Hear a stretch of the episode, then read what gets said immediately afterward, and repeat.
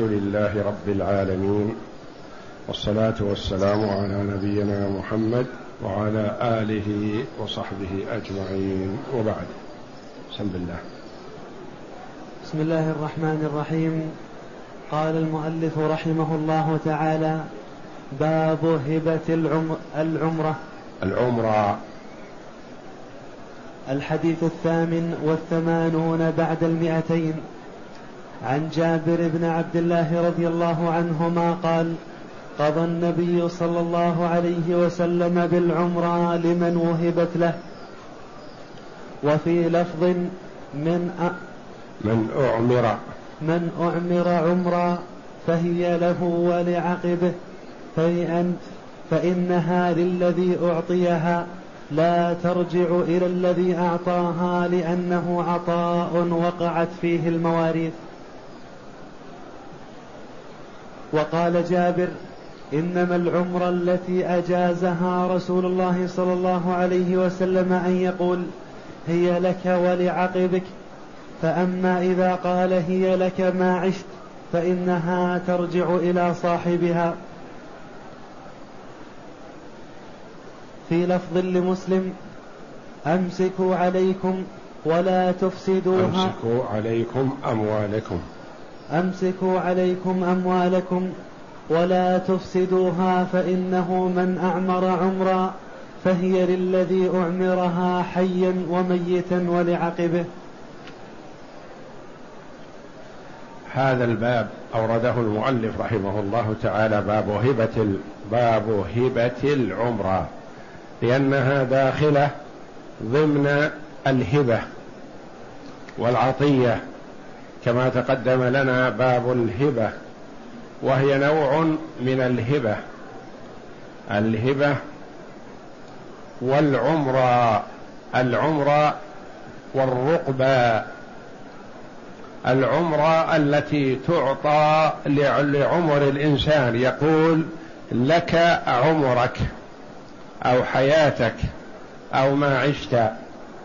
والرقبة كذلك مثلها إلا أنها تختلف عنها في اللفظ فقط وإلا المعنى واحد لأن كل واحد منهما يرقب وفاة الآخر. يقول جابر بن عبد الله رضي الله عنهما قضى النبي صلى الله عليه وسلم بالعمرة لمن وهبت له.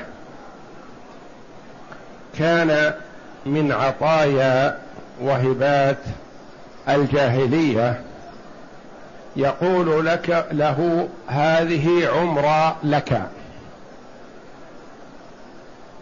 أو هذه لك ما عشت أنا. أو هذه لك ما عشت أنت. أو هذه لك ولعقبك. يعني يعطيه عطاء مؤقت. فالنبي صلى الله عليه وسلم أقر الهبة هذه والعطية لكن منع الرجوع فيها. لأن الرجوع فيها غير مناسب للكرماء. أن يعطي عطية ثم يقول أعدها إلي. وإنما الكريم إذا أعطى عطية انتقلت من ملكه إلى ملك المعطى والمعطى يتصرف فيها كيفما شاء.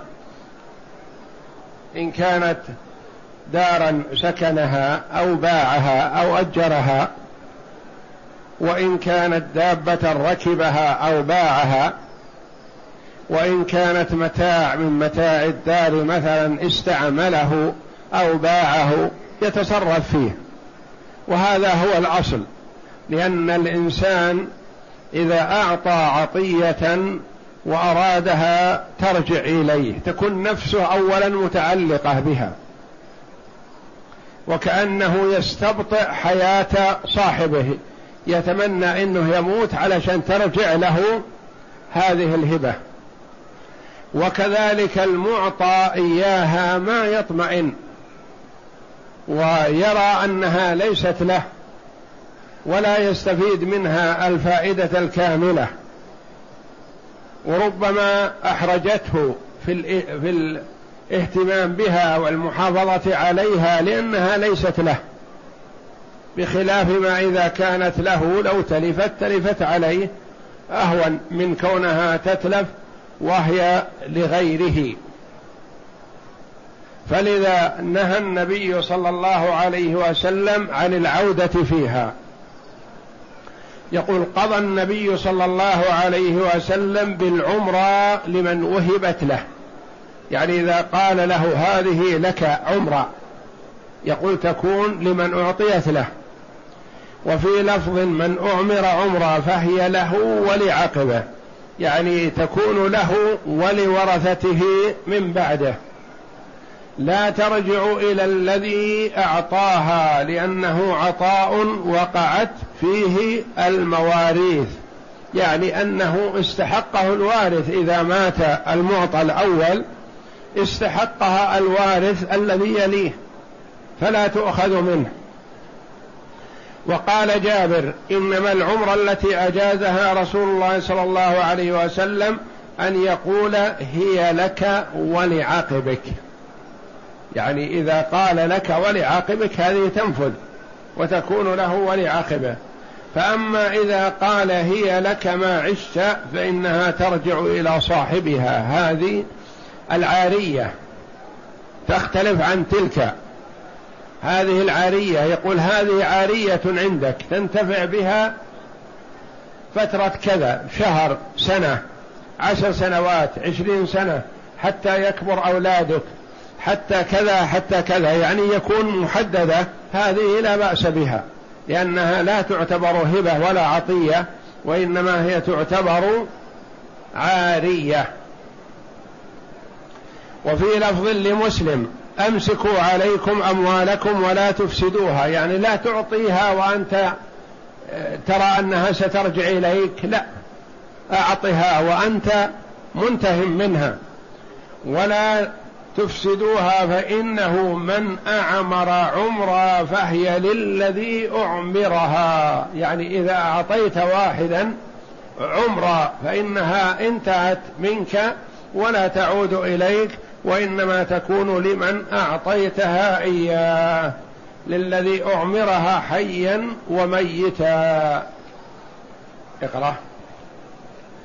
الغريب العمرة بضم العين المهملة وسكون الميم. المهملة يعني غير المنقوطة لأن فيه عين مهملة وعين معجمة أو منقوطة هي الغين الغاء. نعم. وألف مقصورة مشتقة من العمر وهي الحياة. مشتقة من العمر يعني عمر الإنسان. يقول هذه عمرة لك يعني مدة عمرك. نعم. سميت بذلك لأنهم كانوا في الجاهلية يعطي الرجل الرجل الدار أو غيرها ويقول أعمرتك إياها. أي أبحتك أي أبحتها لك مدة عمرك وحياتك. اعمر بضم أوله وكسر الميم مبني للمجهول. بني للمجهول يعني مسند إلى إلى الفعل الذي يكون نائب فاعل مسند إلى المفعول به. مثلا أكرمت زيدا مثلا هذا مبني للمعلوم. أكرمت المتكلم يعبر عن نفسه بأنه أكرم زيد. أكرم زيد هذا مبني للمجهول. يعني حصل الإكرام لزيد لكن ما ندري من من. المعنى الإجمالي العمرة ومثلها الرقبة نوعان من الهبة كانوا يتعاطونهما في الجاهلية. فكان الرجل يعطي الرجل الدار أو غيرها بقوله أو يعطي الدار أو أو غيرها نعم. أو غيرها بقوله أعمرتك إياها أو أعطيتكها عمرك أو عمري. فكانوا عمرك أو عمري يعني عمرك حياتك. أو عمري يعني مدة حياتي أعطيك إياه فإذا مت أنا تنتقل منك إلى ورثتي. نعم. فكانوا يرقبون موت الموهوب له ليرجعوا في هبتهم. فأقر الشرع الهبة وأبطل الشرط المعتاد لها وهو الرجوع لأن العائد في هبته كالكلب يقيء ثم يعود في قيئه. ولذا قضى النبي صلى الله عليه وسلم بالعمرة لمن وهبت له ولعقبه من بعده. ونبههم صلى الله عليه وسلم إلى حفظ أموالهم بظنهم عدم لزوم هذا الشرط وإباحة الرجوع فيها فقال أمسكوا عليكم أموالكم ولا تفسدوها. يعني أنك ثق بأنك إذا أعطيت الشخص خلاص انتهت منك. فإن كنت ناوي العطاء باستمرار فأعطه وإلا أمسك عليك مالك. نعم. فإنه من أعمر عمرا فهي للذي أعمرها حيا وميتا ولعقبه. هذا ما لم يصرح الواهب بأنها للموهوب له ما عاش فقط فالمسلمون على شروطهم ويكون حكمها حكم العارية. العارية هي التي تعطيها لصاحبك ينتفع بها وقت ثم يعيدها مثل تستعير منه الإناء. تستعير منه الفراش تستعير منه شيئا تنتفع به وتعيده. هذه العارية. فإذا أعطيته شيئا ما على شكل عارية هذا لا بأس به. وتعود إليك لأنه أصلا ما تعلقت نفسه بها وتملكها وإنما أخذها للانتفاع ويعيدها. مثل ما يستعير منك جارك مثلا إناء فإذا قضى حاجته رده عليك. فإذا أعطاها إياه على أنه قال تسكن فيها شهر أو سنة أو عشر سنوات هذه عارية لها حكم العارية ويجوز فيها الشرط بالعودة لأنه ما أعطاه إياها عطية. نعم. لكن لا يرجع الواهب فيها ولا بعد وفاة الموهوب له. لأن الوفاء بالوعد واجب والإخ والإخلاف من صفات المنافقين المحرمة. يعني ما إذا أعار الإنسان أخاه شيئا ما ما يرجع إليه حتى ينتهي منه صاحبه أو يموت فيأخذها يعيدها إليه. نعم. اختلاف العلماء العمرة ثلاثة أنواع. الأولى إما أن تؤبد كقوله لك ولعقبك من بعدك. العمرة ثلاثة أنواع. نوع يقول فيه مثلا هذه لك ولعقبك هذا خلاص يملكها. ولا تعود إلى الأول. النوع الثاني أن يقول هذه عمرة ويسكت. ما يقول لك ولعقبك؟ فالصحيح أن هذه الثانية مثل الأولى أنها تستمر. إذا قال هذه لك عمرة فتستمر لمن أعمرها. النوع الثالث هو محل الخلاف. نعم. الثانية أو تطلق كقوله هي لك عمرك أو عمري. وجمهور العلماء على صحة هذين النوعين وتأبيدهما. وهو مذهب بعض الحنابلة. الثالثة والنوع الثالث أن يشترط الواهب الرجوع فيها بعد موت أحدهما فهل يصح الشرط أو يلغي؟ أو يلغى. أو يلغى وتكون مؤبدة أيضا. هذه التي هي محل الخلاف. أن يشترط الرجوع فيها يقول هذه لك عمر ما عشت. فإذا مت أنت تعود إلي أو إلى ورثتي. أو يقول هذه لك ما عشت أنا. فإذا مت فورثتي أحق بها منك. هل يلزم هذا الشرط وتعود أو لا يلزم؟ نعم. ذهب إلى صحة الشرط جماعة من العلماء. منهم الزهري ومالك وأبو ثور وداود وهو رواية عن الإمام أحمد اختارها شيخ الإسلام وغيره من الأصحاب. اختارها؟ اختارها شيخ الإسلام وغيره من الأصحاب لحديث المسلمون على شروطهم. يعني أنه اشترط أن تعود وهو على شرطه. نعم. والمشهور من مذهب الإمام أحمد إلغاء الشرط ولزوم الهبة وتأبيدها. لهذا الحديث. نعم. وشرط الرجوع فيها المختلف في صحته غير هبتها مدة الحياة فهذه لها حكم العارية بإجماع العلماء. يعني إذا قال هذه لك تسكنها ما دمت حي وبعد مماتك تعود لورثتي. هذه عارية. يقول انتفع بها. أو هذه لك ما دمت في مكة. فإذا سافرت تعود إلي لأنها عارية. نعم. ما يؤخذ من الحديث؟ أولا صحة هبة العمرة وأنها من منح الجاهلية. من منح. من منح الجاهلية التي أقرها الإسلام وهذبها. بمنع الرجوع فيها لما في الرجوع من الدناءة والبشاعة.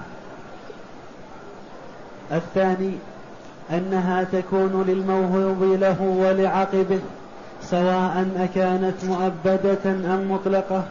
أما إذا شرط الواهب الرجوع فيها فقد تقدم الخلاف في ذلك بين العلماء.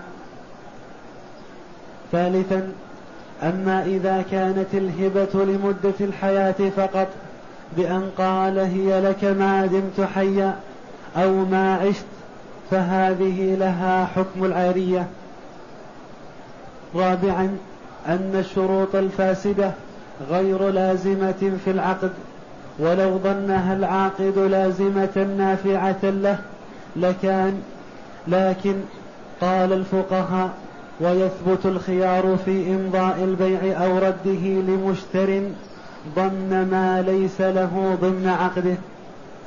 أن كل شرط ليس بصحيح فإنه باطل. ثم من ظن أن هذا الشرط ينفعه وتبين بطلانه يكون في الخيار في إمضاء البيع إذا كان بيعا أو عدمه. فالشرط ليس كل شرط صحيح وإنما الشروط الصحيحة مقبولة ومعتمدة والشروط الفاسدة مردودة وإن كانت مئة شرط. مثل ما قال النبي صلى الله عليه وسلم في عتق بريرة لما أراد مواليها أن يبيعوها على عائشة واشترطوا أن الولاء لهم.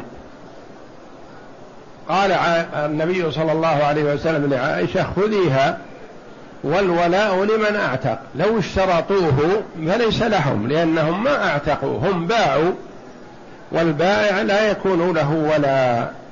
فالولاء لمن أعتق كما قال عليه الصلاة والسلام.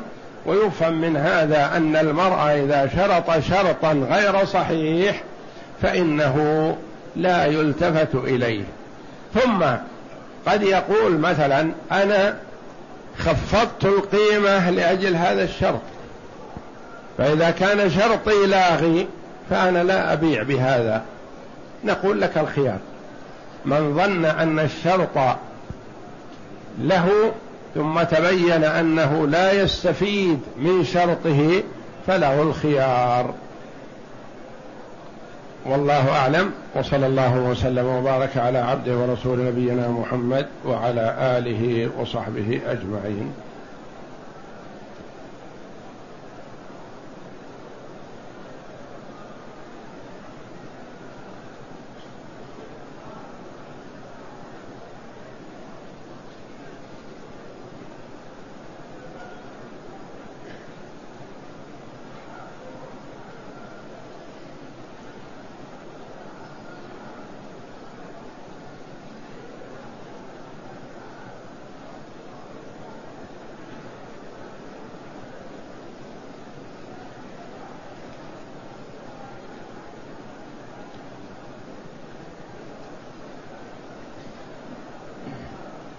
يقول السائل هل طواف التطوع لا تشمله صلاة ركعتين عند المقام؟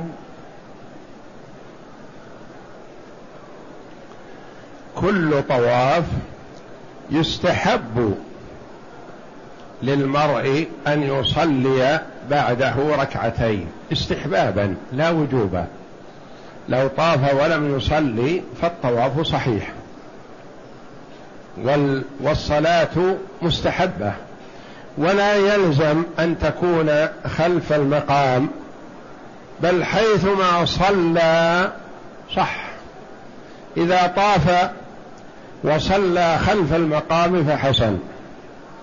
طاف وصلى في أي مكان من المسجد الحرام فحسن. طاف وخرج إلى بيته وصلى ركعتي الطواف في بيته فحسن. طاف وركب سيارته وسافر. وصلى ركعتي الطواف بعد خروجه من البلد. صح. لأنه ورد أن عمر رضي الله عنه طاف طواف الوداع فخرج. وصلى ركعتي الطواف بذي طوى يعني خارج العمران.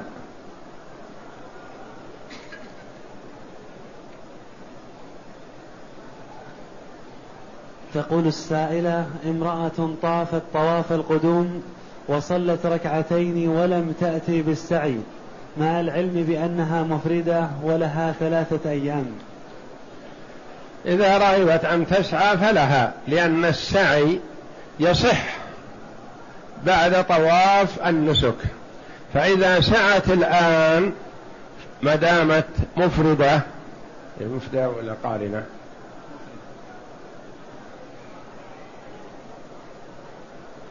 ما دامت مفردة إذا سعت الآن فلا تسعى بعد طواف القدوم بعد طواف الإفاضة. وإن لم تسعى الآن سعت بعد طواف الإفاضة لأن عليها سعي واحد سبعة أشواط بين الصفا والمروة.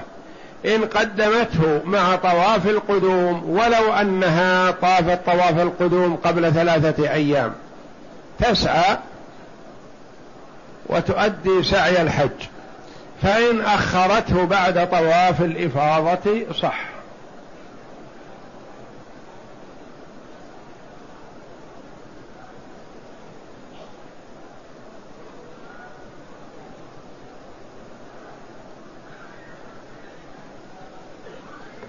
يقول السائل أتيت من إيطاليا ونزلت في المدينة وأحرمت منها فلما وصلت مكة خلعت ملابس الإحرام واغتسلت بالشامبو ثم لبست ملابس الإحرام وأديت العمرة.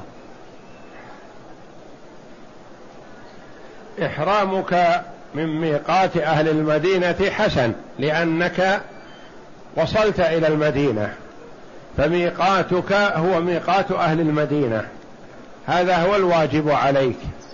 لقوله صلى الله عليه وسلم لما ذكر المواقيت هن لهن يعني لهذه البلدان.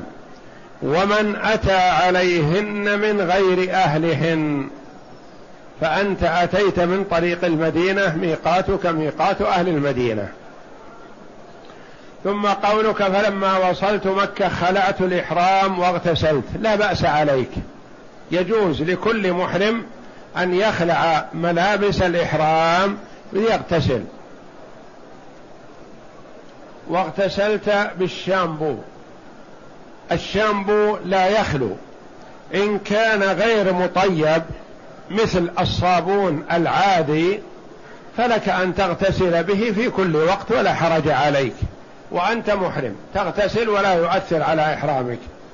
أما إذا كان مطيبا فلا يجوز للمحرم أن يغتسل به ومن اغتسل به جهلا أو نسيانا لإحرامه فلا بأس عليه يعفى عنه. فأنت ليس عليك بهذا شيء ولكن عليك مستقبلا. إذا اغتسلت وأنت محرم تغتسل بشيء غير مطيب. من نوع الشامبو أو الصابون أو غيره غير المطيب. لأن المحرم لا يمس طيبا. فإذا مس المحرم طيبا جهلا أو نسيانا فلا شيء عليه.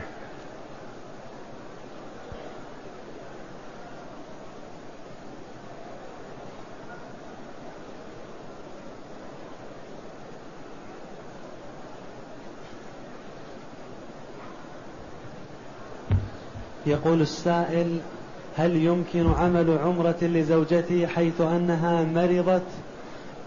مرضت وهي راغبة في الحضور إلى مكة في هذا العام. لا بأس أن تعتمر عن الميت متى شئت وعن الحي بشرط أن يكون غير قادر على الوصول وبشرط أن يعلم عنك قبل إحرامك بالعمرة عنه. يعلم عنك ويكون غير قادر. ثم اعلم أنه لا ينبغي لمن دخل مكة بعمرة أن يكرر الخروج للإتيان بعمرة أخرى. من دخل مكة بعمرة يستحب له أن يكثر من الطواف بالبيت قدر المستطاع. ولا يخرج للإتيان بعمرة أخرى. فإن خرجت الاتيان بعمرة خرجت لغرض من الأغراض غير العمرة مثلا خرجت للطائف أو للمدينة لزيارة المسجد النبوي أو لجدة لغرض في المطار أو الميناء أو نحو ذلك ثم أردت العودة إلى مكة فعدت إلى مكة بعمرة عن نفسك أو عن غيرك فلا بأس عليك. يعني نقول لمن كان داخل مكة لا تخرج للإتيان بعمرة أخرى. ومن كان خارج مكة يريد الدخول نقول ادخلها بعمرة. عن نفسك أو عن غيرك.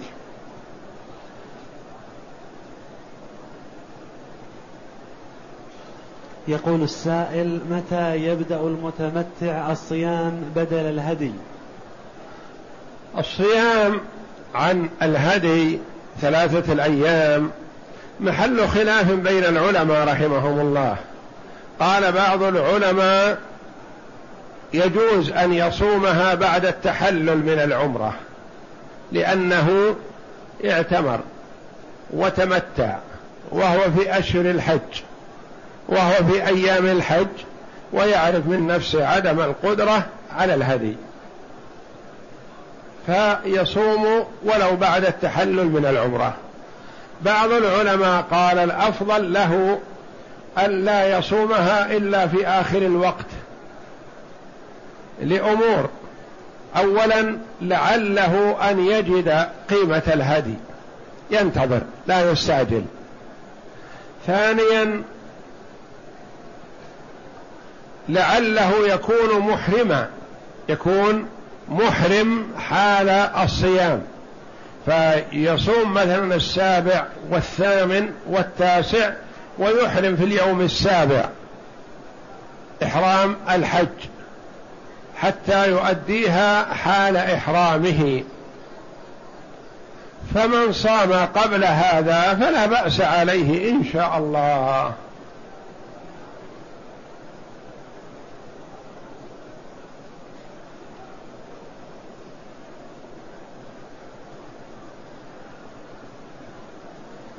يقول السائل هل الدعاء عند الميزاب أو عند الملتزم في الكعبة له أفضلية؟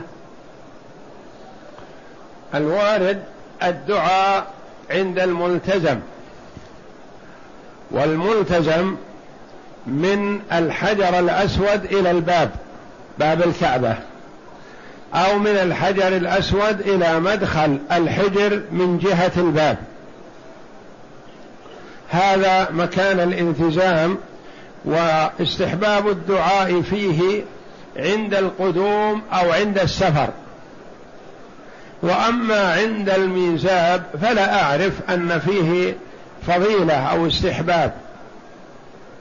والنبي صلى الله عليه وسلم بين لنا ديننا وتركنا على المحجة البيضاء ليلها كنهارها لا يزيغ عنها إلا هالك.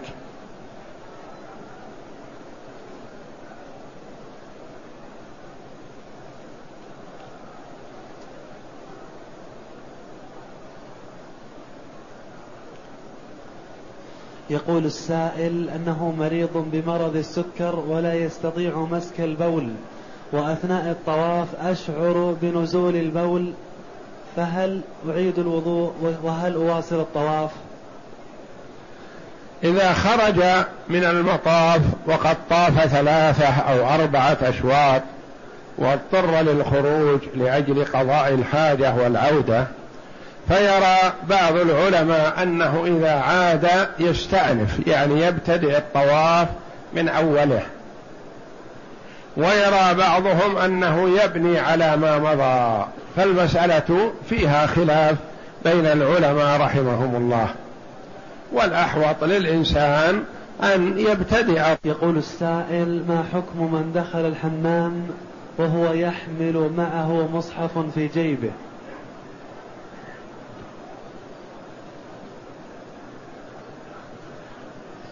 لا يجوز للإنسان أن يتعمد إدخال المصحف معه للحمام إلا إذا خشي عليه لو وضعه لو أخذ ولا يجد من يأتمنه عليه فيلف عليه ويدخل به. وإن دخل به ناسيا فلا حرج عليه إن شاء الله.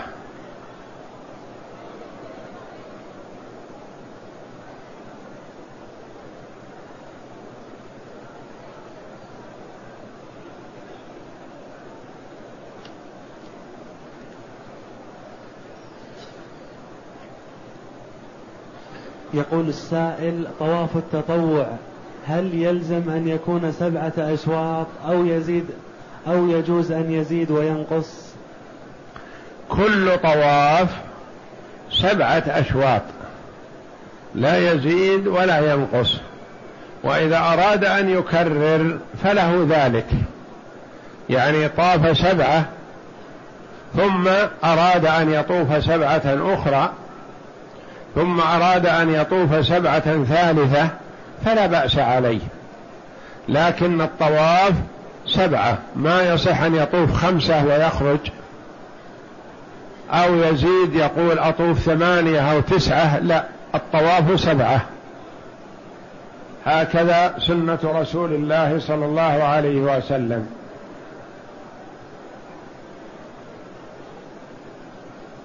يقول السائل هل القارن عليه سعي وحلق أو تقصير؟ القارن نعم عليه سعي وعليه تحلل الحلق أو التقصير لكن متى؟ بعد عرفة بعد يعني يرمي جمرة العقبة ثم يحلق أو يقصر. وعليه سعي إن شاء عجله بعد طواف القدوم وإن شاء أخره بعد طواف الإفاضة. المفرد بالحج فقط والقارن بين الحج والعمرة عليهما سعي واحد. إن أتيا به بعد طواف القدوم أو أتيا به بعد طواف الإفاضة. والمتمتع عليه سعيان. سعي بعد طواف العمرة وسعي بعد طواف الحج. لأن المتمتع أتى بالعمرة منفصلة ثم أتى بالحج. فعليه سعي للعمرة بعد طواف العمرة. وسعي للحج بعد طواف الحج الذي هو طواف الإفاضة. أما المفرد فهو أتى بنسك واحد. عليه طواف واحد واجب ركن. وعليه سعي واحد. الطواف الركن هو طواف الإفاضة الذي هو يوم العيد. والسعي سواء أتى به بعد طواف الإفاضة أو قدمه وأتى به بعد طواف القدوم. لأن المفرد ما يجب عليه طواف قدوم وإنما طواف القدوم مستحب استحبابا. فإذا طاف للقدوم سعى إن شاء. وإن شاء طاف للقدوم وأخر السعي بعد طواف الإفاضة. القارن أعماله مثل أعمال المفرد سواء بسواء إلا بالنية. ونوى الحج والعمرة معا. ولا تختلف أعماله عن أعمال المفرد إلا أن القارن عليه هدي. هدي قران. إلا إن كان من حاضر المسجد الحرام فليس عليه هدي. فالقارن عليه سعي واحد. مثل المفرد. إن أتى به بعد طواف القدوم أو أخره بعد طواف الإفاضة.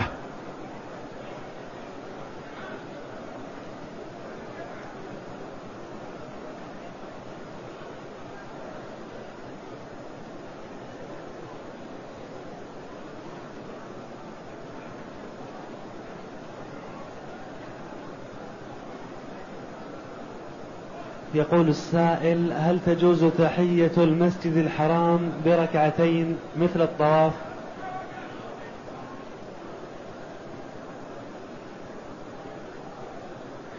تحية المسجد الطواف. فإذا لم يتيسر لك الطواف فتصلي ركعتين وتجلس. ولا تجلس بدون صلاة إذا لم يتيسر لك الطواف.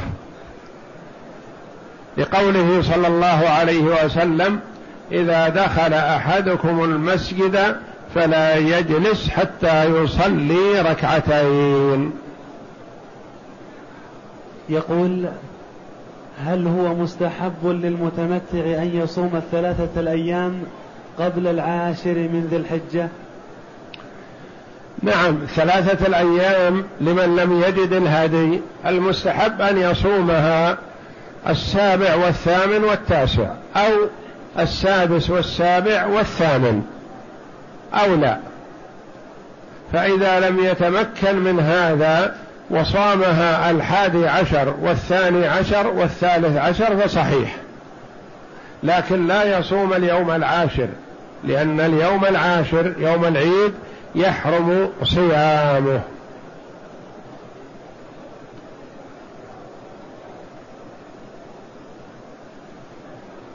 يقول السائل أطوف طواف العمرة وأثناء الطواف بسبب الزحام دخلت الحجر ثم رجعت بعد دخول مباشرة وأكملت الطواف. ليس عليك شيء رجوعك حسن لأنه لو استمررت في هذا ما صح طوافك. لأنه يلزم في الطواف أن يجعل الكعبة كلها شرفها الله على يساره. فإذا دخل مع الحجر صار جزء من الكعبة على يمينه وصار هو كأنه دخل وسط الكعبة لأن مقدمة الحجر من الكعبة.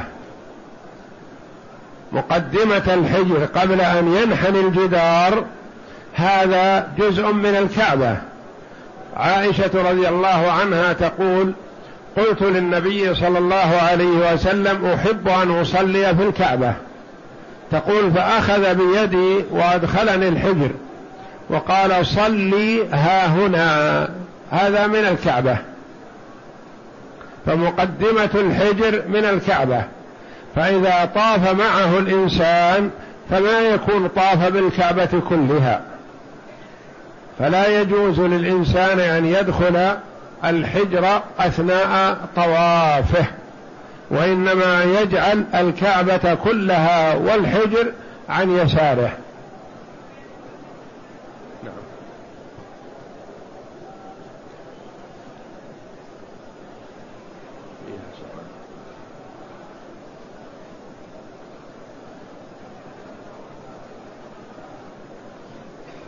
يقول السائل ما حكم صلاة ركعتي الطواف في وقت النهي؟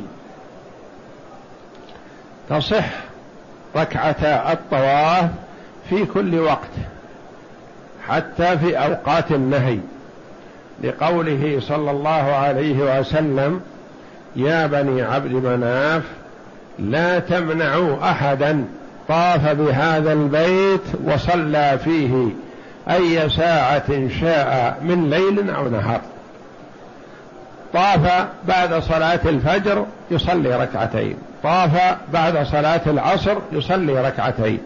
لأن هذه الصلاة من ذوات الأسباب. ذوات الأسباب تفعل عند وجود سببها. مثل دخول المسجد. إذا دخلت المسجد قبيل المغرب مثلا وقت نهي لكن لا تجلس حتى تصلي ركعتين. دخلت المسجد قبل طلوع الشمس مثلا وقت نهي لكن لا تجلس حتى تصلي ركعتين. تحية المسجد.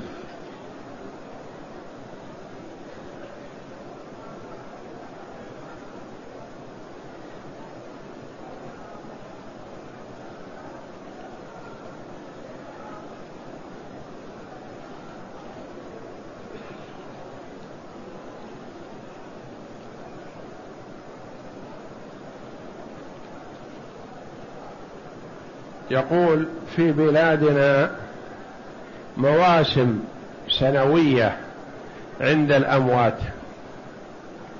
يعني كأنهم يخرجون في أوقات عند الأموات يقيمون عندها أو يترددون عليها أو يسألونها أو يطوفون بها أو يسألون الله بها.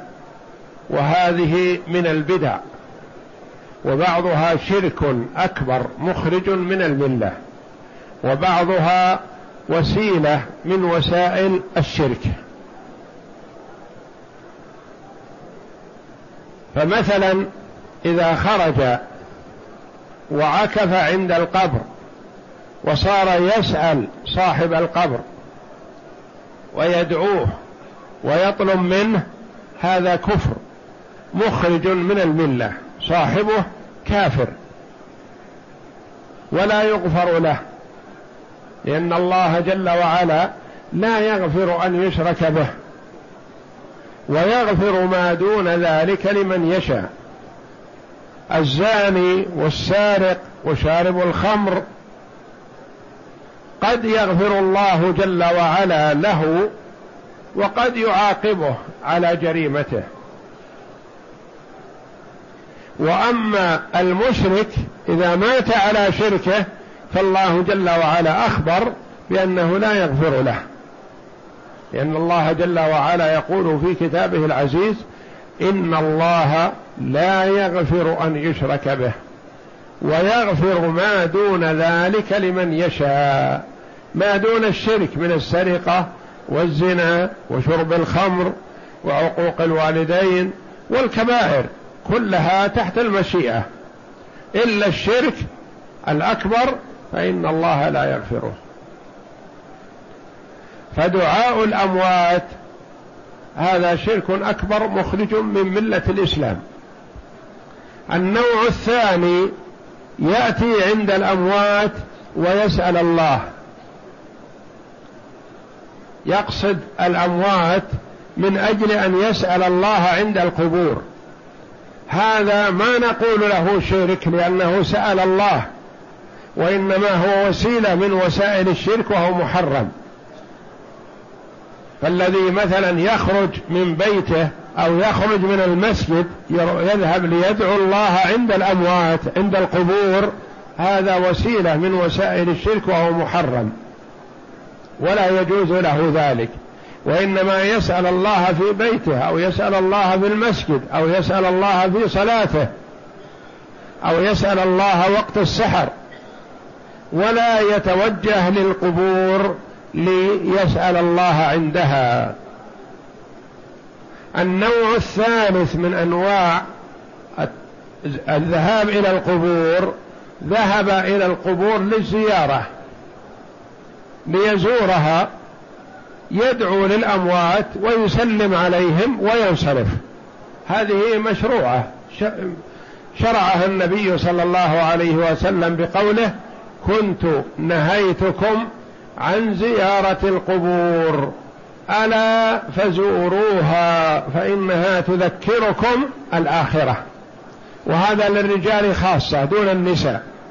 أما النساء فقد لعن رسول الله صلى الله عليه وسلم زائرات القبور. لعن رسول الله صلى الله عليه وسلم ثلاثة أصناف بهذا الخصوص. لعن زائرات القبور ولعن المتخذين عليها المساجد ولعن المعلقين على القبور السرج. لعن رسول الله صلى الله عليه وسلم زائرات القبور. والمتخذين عليها المساجد والسرج. مثلا يموت الميت فيدفن في القبر ثم يقام على هذا القبر مسجد. هذا صاحبه ملعون على لسان محمد صلى الله عليه وسلم. صورة أخرى يفعلها بعض الأثرياء يقول مثلا هذا المسجد أبنيه من أجل أن يكون قبري فيه. فإذا مات يوصي بأن يدفن في هذا المسجد وهذا محرم ولا يجوز. فالمساجد التي تبنى على القبور يجب أن تهد ولا تصح الصلاة فيها. إذا فالمواسم التي تقام أو الذهاب إلى المقابر على ثلاثة أنواع. نوع من أجل السلام على أهل القبور والدعاء لهم. هذا مشروع. تأتي إلى أهل المقبرة تدخل المقبرة تقول السلام عليكم دار قوم مؤمنين وإنا إن شاء الله بكم لاحقون. يرحم الله المستقدمين منا ومنكم المستأخرين نسأل الله لنا ولكم العافية. وتنصرف أو تقول السلام عليك يا أبي تأتي عند قبر أبيك وتسلم عليه أو عند قبر أمك أو عند قبر أخيك أو أختك أو قريبك أو زوجتك وتسلم عليهما. وتنصرف. والمرأة لا لا تذهب إلى القبور أبدا. هذا مشروع. النوع الثاني ليس بشرك وإنما هو محرم لأنه وسيلة إلى الشرك. يذهب ليدعو الله عند القبور. وهذا محرم ولا يجوز. يعني يتعمد أن يذهب للمقابر ليدعو الله. يقول أروح أدعو الله عند قبر فلان أو عند قبر فلان. هذا لا يجوز. ومحرم. النوع الثالث وهو أشدها وأفظعها أن يذهب إلى القبور ليدعو أصحاب القبور. يسأل أصحاب القبور أن يعملوا له كذا أو يعملوا له كذا أو يشفوا مريضة أو يردوا الغائب أو يعلموا الجاهل أو نحو ذلك. هذا شرك أكبر مخرج من الملة وإن صام وصلى وزعم أنه مسلم. وهذان النوعان كثيران في كثير من البلاد. ويظن صاحبه أنه متمسك بالإسلام. والواقع في النوع الثالث منه هذا خارج من ملة الإسلام. من دعا غير الله كائنا من كان كفر حتى لو دعا الرسول عليه الصلاة والسلام وهو أفضل الخلق. يقول عليه الصلاة والسلام لا تطروني كما أطرت النصارى ابن مريم إنما أنا عبد فقولوا عبد الله ورسوله. وعبد الله ورسول الله صلى الله عليه وسلم. فهو عبد لا يعبد ورسول لا يكذب. رسول صادق وما ينطق عن الهوى إن هو إلا وحي يوحى. والله جل وعلا يقول وما آتاكم الرسول فخذوه. وما نهاكم عنه فانتهوا. فهو عليه الصلاة والسلام أفضل الخلق وأحب الخلق إلى الله. ولا يجوز أن تعبده أو أن تدعوه لأنه عليه الصلاة والسلام شرفه الله بالعبودية فهو عبد والعبد لا يعبد. والله جل وعلا شرف محمدا صلى الله عليه وسلم بوصفه بالعبودية في مواطن عظيمة. في المواطن العظيمة ومواطن الشرف شرفه الله بالعبودية.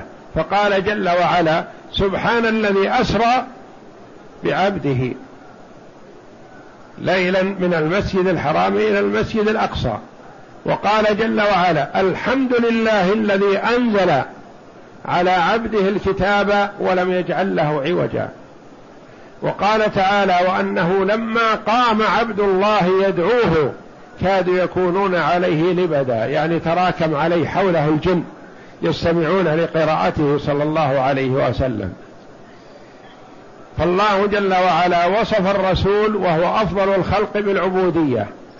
فأشرف وظائفه صلى الله عليه وسلم والتي تمكن فيها تمكنا لم يتمكن فيه أحد مثله العبودية عليه الصلاة والسلام. وهي شرف للمرء أن يكون عبدا لله. وكل ما كان متمكن من هذه الصفة فهو أفضل من غيره. فالدعاء لله جل وعلا لا ندعو غيره. ولا نتوجه إلى غيره ولا نتوكل على غيره ولا نخاف إلا منه ولا نرجو إلا إياه. رجاء العبادة والخوف والخضوع والتذلل هذا لله جل وعلا. وكثير من الناس والعياذ بالله واقع في الشرك الأكبر وهو لا يدري أو يظن أنه على حق وهو مشرك كافر وإن صلى وصام. كثير من الناس يصلي في الصف الأول ويؤدي الصلاة ويحج ويعتمر ويزكي. فإذا صلى في مسجده مثلا تجده يقوم ويرجع إلى القبر الذي في المسجد فيخضع عنده خضوعا كامل ويتذلل ويخشع. يا سيدي يا مولاي يا كذا. يا عبدي يا ناصري اجبر خاطري اشف مريضي عافني من كذا اذهب عني كذا. هذا شرك أكبر. هذا خرج من الإسلام ويصلى. هذا الواقع في بعض البلاد التي تنتسب إلى الإسلام. تجد القبور والمتشاهد فيها كثيرة وكل ما انتهى من صلاة ذهب. إلى قبر سيده ومولاه. فهذا كفر خروج من الملة. لو مات على هذه الطريقة فلا يصح أن يغسل ولا يصلى عليه ولا يدفن في مقابر المسلمين ولا يرث أقاربه المسلمون لأنه مشرك. والشرك ما يعذر أحد بجهله. الشرك عرفه وميزه أبو جهل وأبو لهب الذين هم رؤوس الكفر والضلال عرفوا الشرك واقعون فيها عن بصيرة. وبعض من ينتسب إلى الإسلام أجهل بالإسلام والتوحيد من أبي جهل وأبي لهب. أبو جهل وأبو لهب لما قال لهم النبي صلى الله عليه وسلم لما دعاهم على الصفا وناداهم فتجمعوا حوله لأنه عليه الصلاة والسلام يعرفون صدقه وأمانته ويسمونه الصادق الأمين فهو ما دعاهم إلا لأمر هام. فلما دعاهم عليه الصلاة والسلام على الصفا اجتمعوا حوله. فقال كلمة واحدة تدين لكم بها العرب وتملكون بها العجم. كلمة واحدة. قالوا هذا شيء عظيم. كلمة واحدة. تدين لنا بها العرب كلها ونملك بها العجم. لك وعشر أمثالها. ما ما نعطيك كلمة واحدة نعطيك عشرات ما دام بهذه المثابة. قال قولوا لا إله إلا الله تفلحوا. نخروا والعياذ بالله. وقال أبو لهب عمه أقرب الناس إليه. تبا لك سائر اليوم. ألهذا جمعتنا أجعل الآلهة إلها واحدا. إن هذا لشيء عجاب. أبو لهب عمه يقول أجعل الآلهة إلها واحدا. يعني ما يريد منا أن نعبد الآلهة كلها لا نعبد إلا إله واحد فقط. ما يصير. فعرفوا الكلمة بسيطة على الألسنة لكن عرفوا معناها أنها يلزم منها أن يتركوا الآلهة كلها وأن يتوجهوا إلى الإله الواحد الفرد الصمد وحده لا شريك له.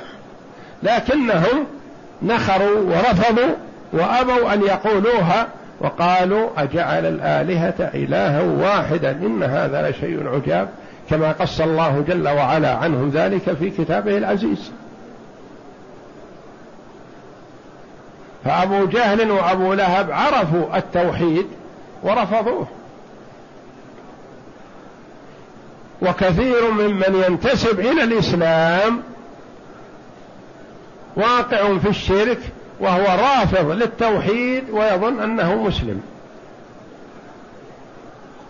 إذا توجه إلى أي مخلوق غير الله فيما لا يقدر عليه إلا الله ودعاه وسأله هلك وأشرك وكفر.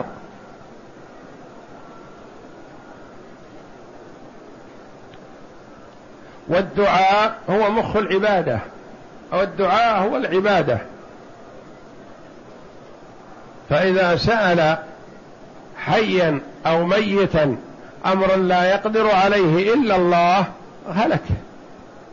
الحي إذا سأله شيئا يقدر عليه ما يعتبر شرك ولا كفر لأنه سأله أن يقرضه مثلا سأله أن يعينه سأله أن يعطيه كذا وهو قادر هذا لا بأس به هذا من الأمور العادية. لكن ميت يقول له اشف مريضي؟ ميت يقول رد غائبتي ضالتي ردها علي. مثلا هذا كفر. لأنه دعاه والدعاء هو العبادة. فليحذر المسلم أن يقع في الشرك وهو لا يشعر أو أن يرى من هو واقع فيه ويسكت عنه ويظن أنه لا بأس عليه بهذا. بل ينبه ويدعو إلى الله جل وعلا على بصيرة. المرء المسلم إذا عرف أمرا من أمور الشرع ينبغي له أن يدعو إليه كما أمر الله جل وعلا رسوله محمدا صلى الله عليه وسلم وأمته تبعا له في هذا في قوله تعالى ادع إلى سبيل ربك بالحكمة والموعظة الحسنة. إذا وجدت مثلا من يدعو هذا الميت تقول يا أخي هذا ميت. ما يستطيع ينفعك بشيء ولا ينفع نفسه. ما يستطيع أن يضيف إلى حسناته حسنة ولا يستطيع أن يمحو من سيئاته سيئة. هو مرتهن بقبره. إن كان صالحا فهو في روضة من رياض الجنة ولا يدري عنك. وإن كان فاجرا فهو في حفرة من حفر النار ومعذب والعياذ بالله ما نفع نفسه حتى ينفعك. ولا يستطيع الميت أن ينفعك مهما كان. لأنه لا يدري عنك. لو تنادي بالليل والنهار وإن كان من خيار الناس لا ينفعك بشيء وإن دعوته تظن أنك تتحبب إليه فإنه يبغضك ويكرهك لأنك أشركته مع الله جل وعلا. فالذين يدعون الصالحين الصالحون يبغضونهم ولا ينفعونهم بشيء. فعلي رضي الله عنه حرق الذين ألاهوه بالنار لأنهم أعداؤه. من يدعوه أو يسأله فهو عدوه. من يتوجه إلى قبر عبد القادر الجيلاني أو فلان أو فلان أو غيره من الصالحين مثلا فهو مشرك. والرجل الصالح المدعو ما يدري عنه ولا يستجيب له بشيء والميت لا يخلو إما أن يكون في روضة من رياض الجنة كالصالحين ومن شهد لهم النبي صلى الله عليه وسلم بالجنة فهو في روضة من رياض الجنة لا يدري عنك لو دعوته الليل والنهار ما دري عنك. ولا نفعك بشيء. وإن كان فاجرا والعياذ بالله فهو في حفرة من حفر النار. كما هو الحال في كثير من المعبودين من دون الله جل وعلا تجدهم لا شيء. أو كفار أو حيوانات أو رؤوس كلاب أو نحوها مدفونة بهذا ويقول هذا السيد المطاع هذا السيد النافع هذا سيد السادات هذا كذا هذا كذا. يسمونهم بأسماء حتى يأكلوا أموال الناس بالباطل من ورائها. ولو حفر ما وجد فيه إلا رأس كلب أو رأس حمار أو نحو ذلك. وهذا الحسين رضي الله عنه وأرضاه الذي هو أحد سيدي شباب أهل الجنة رضي الله عنه كم له من قبر الآن؟ هو موزع في القبور. هو رضي الله عنه شهد له النبي صلى الله عليه وسلم بالجنة. نحبه ونتولاه ونترحم عليه ونترضى عنه رضي الله عنه وأرضاه لكن لا نصرف له شيء من أنواع العبادة. السيد البدوي ما هو أصله فيما نقل المؤرخون؟ بدوي بال في ناحية المسجد. فقالوا هذا ما بال في ناحية المسجد إلا هو ولي. حسب مكانته وأنه له ولاية عند الله بال في المسجد ولا شيء عليه. ما هو؟ السيد البدوي بدوي بدوي جاهل. وهكذا أيها الإخوة علينا أن نتنبه لعقيدة الإسلام والتوحيد الله جل وعلا وإفراده بالعبادة. لا نهلك مع من هلك. والله جل وعلا يقول وإذا سألك عبادي عني فإني قريب أجيب دعوة الداعي إذا دعان. تذهب تجعل بينك وبين الله واسطة؟ رأس كلب أو رأس حمار أو بدوي أو جاهل أو غيره أو كافر أو طاغوت. كلها لا خير فيها.